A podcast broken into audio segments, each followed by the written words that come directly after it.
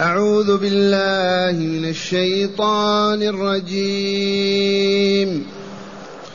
بسم الله الرحمن الرحيم.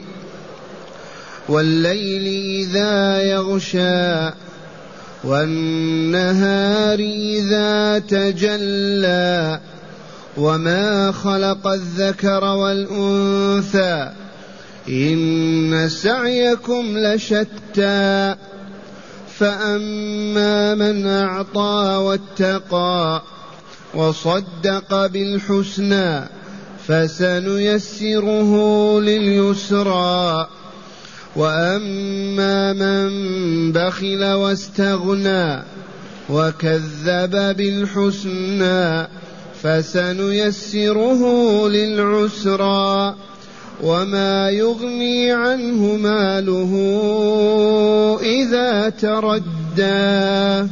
أحسنت. معاشر المستمعين والمستمعات من المؤمنين والمؤمنات.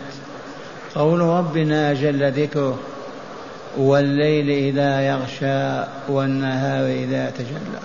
هذه يمين. هذا قسم. الله يقسم الله يحلف إيه نعم. من أجل من؟ من أجلنا نحن. إلا أنه لم يسمح لنا أن نحلف نحن بغيره أبدا. لم يأذن لنا أن نحلف بسواه. فلا نحلف إلا بربنا عز وجل.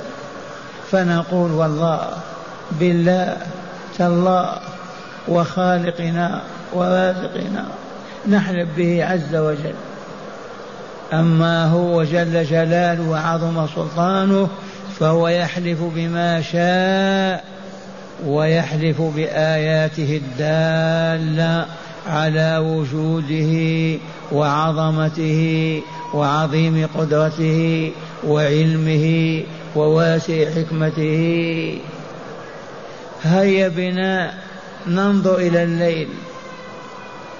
إذا يغشى الأرض ويغطيها بالظلام في ديارنا من أوجده؟ من أوجد هذا الليل؟ ها نحن فيه.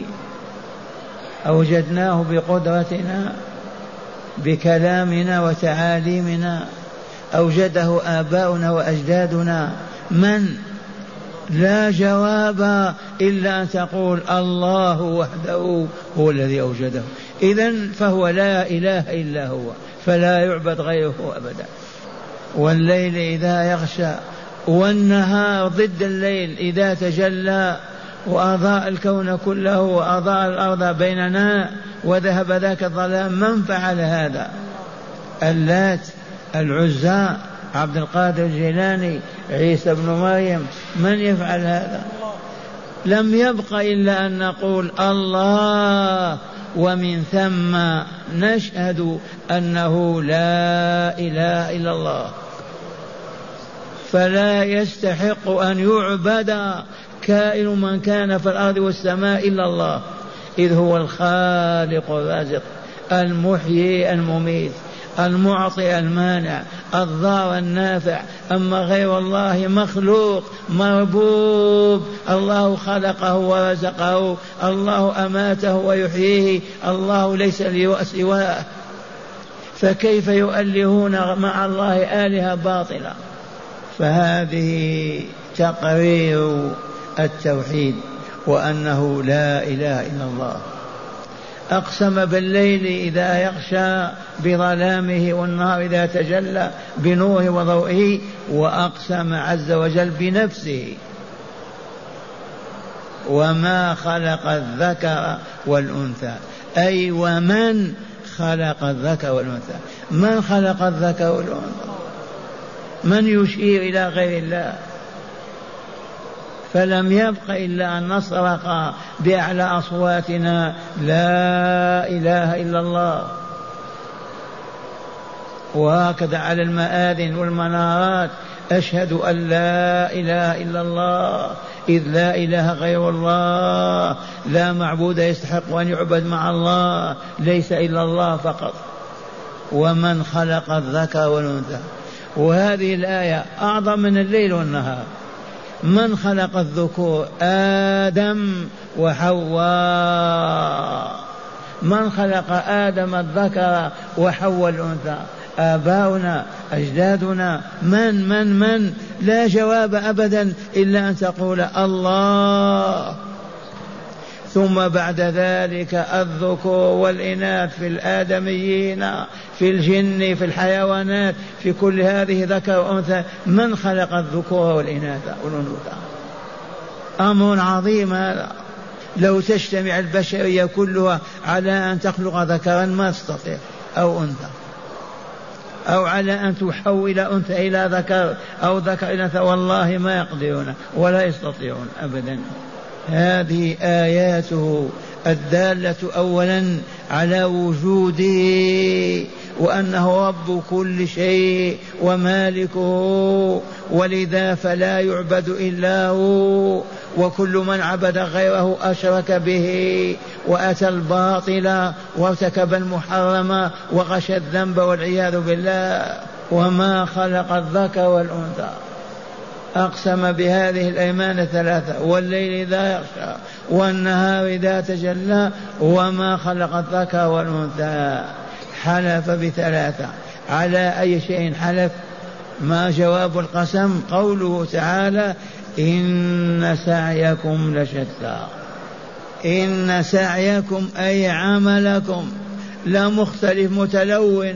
هذا فاجئ وهذا بارتقي. هذا ساق وهذا آمن هذا كاذب وهذا صادق. سعيكم شتى. يا بني آدم ويا بني الجن معكم أيضا. إن سعيكم والله لشتى. مختلف لكثرته. وها اثنان فقط من الحاضرين سعيهم مختلف. من جعل هذا السعي؟ من أقوانا عليه؟ من أقدرنا عليه؟ من وفقنا له؟ من من؟ لا جواب إلا أن تقول الله الله الله. هو الذي وهبنا أسماعنا أبصارنا خلق أيدينا أرجلنا عقولنا. نمشي ونركب وننزل وننام ونعمل ونحصد ونزرع. أليس الله؟ لم إذا نكفره ونجحده ولا نتكلم عنه ولا نذكره ونغضب إذا قلنا لا إله إلا الله. هكذا كان المشركون وما زالوا إلى اليوم. يغضب إذا قلت له لا إله إلا الله سواء كان يهوديا أو نصرانيا فضلا عن المشركين والجهنميين. إن سعيكم يا عباد الله ذكورا وإناثا لشتى مختلف متنوع كما تشاهدونه. ومن ثم ومن ثم ماذا يترتب على هذا؟ فأما من أعطى واتقى وصدق بالحسنى فسنيسره لليسر اسمعوا هذا الخبر. من أعطى أي أنفق ماله لله. من أعطى أي زكى ماله أنفق في سبيل الله. أنفق على الفقراء والمساكين. أنفق على المحتاجين. أنفق ماله وأعطاه. واتقى مع ذلك الله.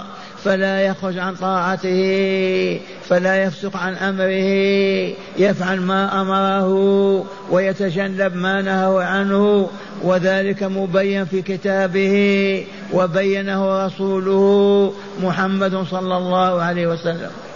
أعطى اولا ثم اتقى. وبدأ بالعطاء لأن الظروف تتطلب الإنفاق في سبيل الله. وخاصة في مكة أولئك الفقراء والمساكين المؤمنين مضطهدين ومعذبين. ونزلت هذه في أبي بكر الصديق. والله له الذي أعطى واتقى. ولا نتردد.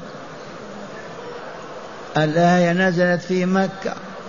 الفقراء ضعفاء ما عندهم ما يأكلون ولا يشربون.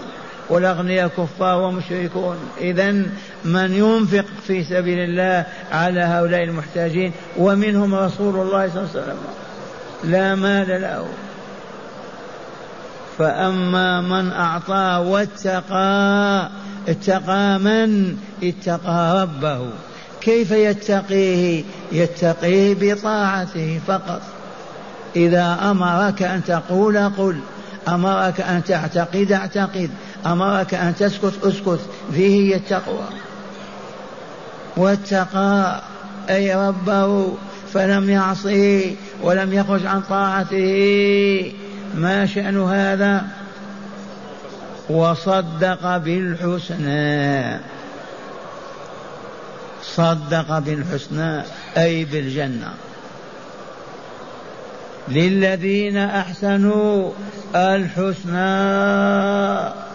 للذين أحسنوا ما لهم الحسنى وصدق بالحسنى بالجنة وبكل فضيلة وبكل عمل صالح وبكل خير في الأرض صدق به وما كذب ولا أنكر. آمن بالله وبلقائه وبرسله وكتبه وكل ذلك الحسنى. اتقى وصدق بالحسنى الجزاء الإلهي هو. في قوله فسنيسر لليسر فسنيسر لليسر من أقوال وأعمال واعتقاده. ييسر الله تسيرا فلا يعاني ولا يكابد ولا يشاق في هذه الدار. يوسل لما هو أيسر وأسهل في قوله وعمله وعبادته. هذا وعد الله عز وجل. فاز به قبلنا أبو بكر الصديق. فاز به الصديق رضي الله عنه. وهو أيضا بين يدي كل مؤمن ومؤمنة. ما هو؟ أولا أن نؤمن ثم نتقي ثم نصدق بالحسنى. وهكذا نصبح من أولياء الله وصالح عباد الله. ونتناول هذا الخير مع أولياء الله وصالح عباده. فسنيسر وأما من بخل واستغنى وكذب بالحسنى فسنيسر للعسرى. وأما من بخل جحد أنكر ما ينفق ابدا والفقراء يموتون جوعا أمامه. أو حامل السلاح المجاهدون أمامه لا ينفق. والآية وإن نزلت في مكة فهي عامة في كل حال المسلمين. وأما من بخل بخل بماذا؟ بالمال ما أنفق. ما أنفق. والمال في داره في جيبه طعام والجياع أمامه ما يطعمهم ولا يسقيهم. بخل. وأما من بخل واستغنى انشغل بماله وما عنده واستغنى عن الفقراء والمساكين والمحتاجين وترفع وتكبر عنهم ما أصبح ينظر إليهم ولا يساعدهم استغناء كامل كأنه هو كل شيء. الجزاء ما هو؟ ثانيا وكذب بالحسنى أي بالجنة. ما آمن بالدار الآخرة؟ لأن المشركين الكافرين في مكة كانوا يؤمنون بالله أنه رب الخالق الرازق لما تسألوا من خلقك لا يقول إلا الله. من خلق السماوات والأرض لا يقولون إلا الله. لكن فقط يعبدون معه الآلهة الأصنام التي زين الشيطان عبادتها فألهوها وهم يتقربون بها إلى الله في نظرهم. ما نعبدهم إلا ليقربونا إلى الله زلفى ذي قولتهم سجلها الله في كتابه. ما نعبدهم إلا ليقربونا إلى الله زلفى فما كان المشركون في مكة كالمشرك كالكافرين اليوم الشيوعيين الملاحدة. لا يؤمنون بالله بل كانوا يؤمنون بالله. وهذه التي تقررت عندنا وكررنا القول فيها من عهد آدم إلى وجود المذهب الشيوعي منذ مئتي سنة أو أقل كانت البشرية كلها تؤمن بلقاء الله تؤمن بوجود الله. على عهد نوح على عهد إدريس موسى ما كان من البشر من ينكر أنه مخلوق والله خالقه فقط منذ مئتي سنة تقريبا أي من يوم ما وجد المذهب الشيوعي الإلحاد العلماني من أوجده نسيتم؟ والله بنو عمنا اليهود عليهم لعائن الله. وعرفنا السر لما أوجدوا المذهب الشيوعي. لأنهم كانوا ما يستطيعون أن يعيشوا مع المسيحيين. لا في أمريكا ولا في أوروبا ولا في غيرها.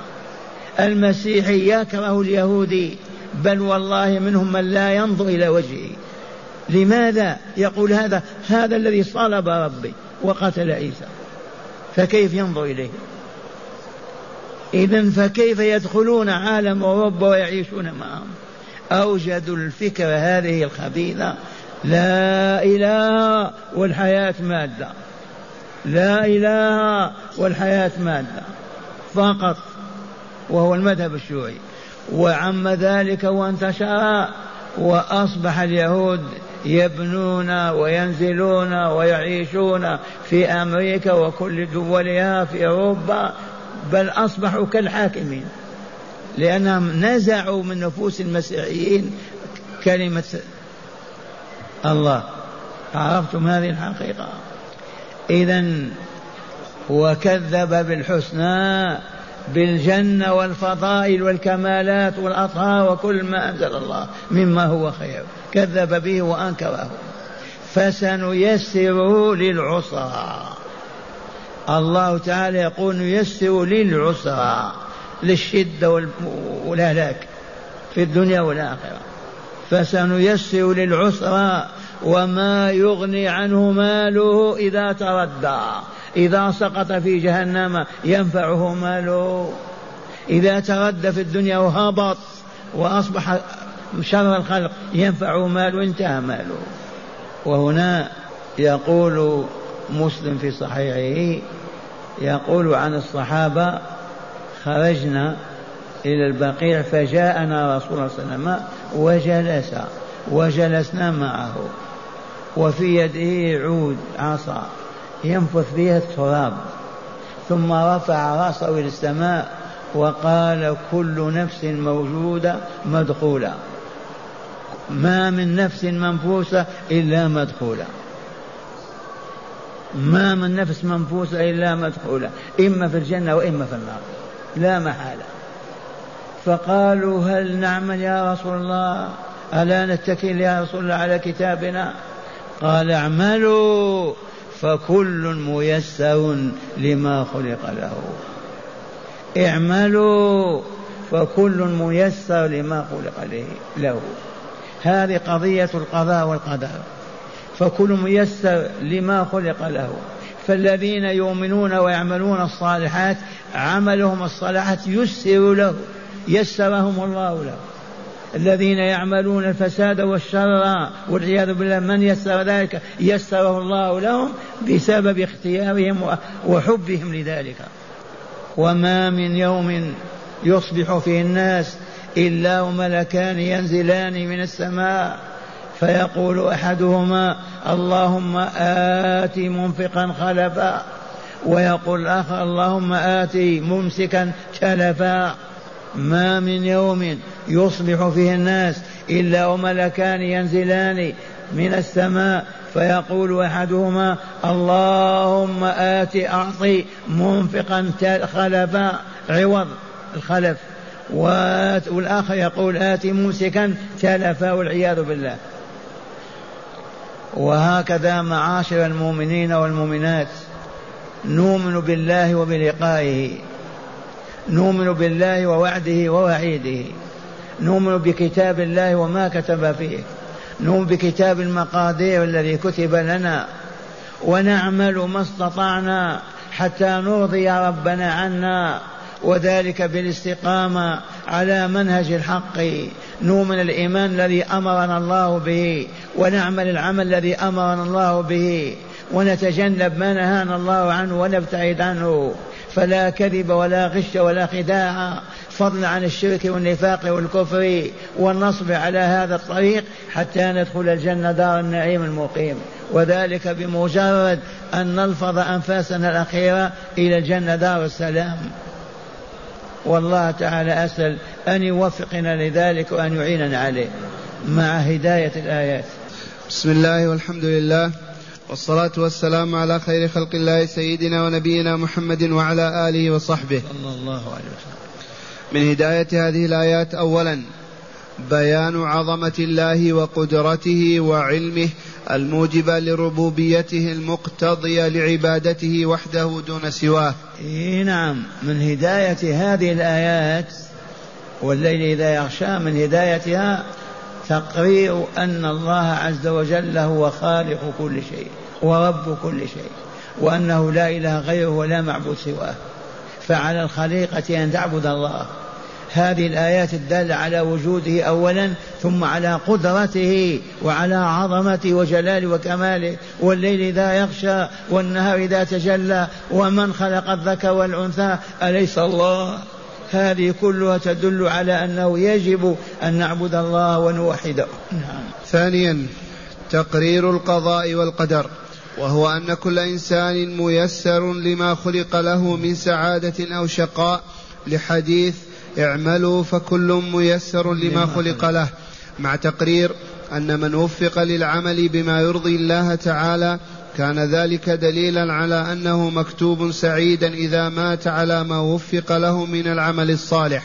وأن من وفق للعمل المسخط لله تعالى كان دليلا على أنه مكتوب شقاوته إن هو مات على ذلك. إيه نعم. من هداية الآيات تقرير عقيدة الإيمان بالقضاء والقدر. الركن السادس من أركان الإيمان الإيمان بالقدر.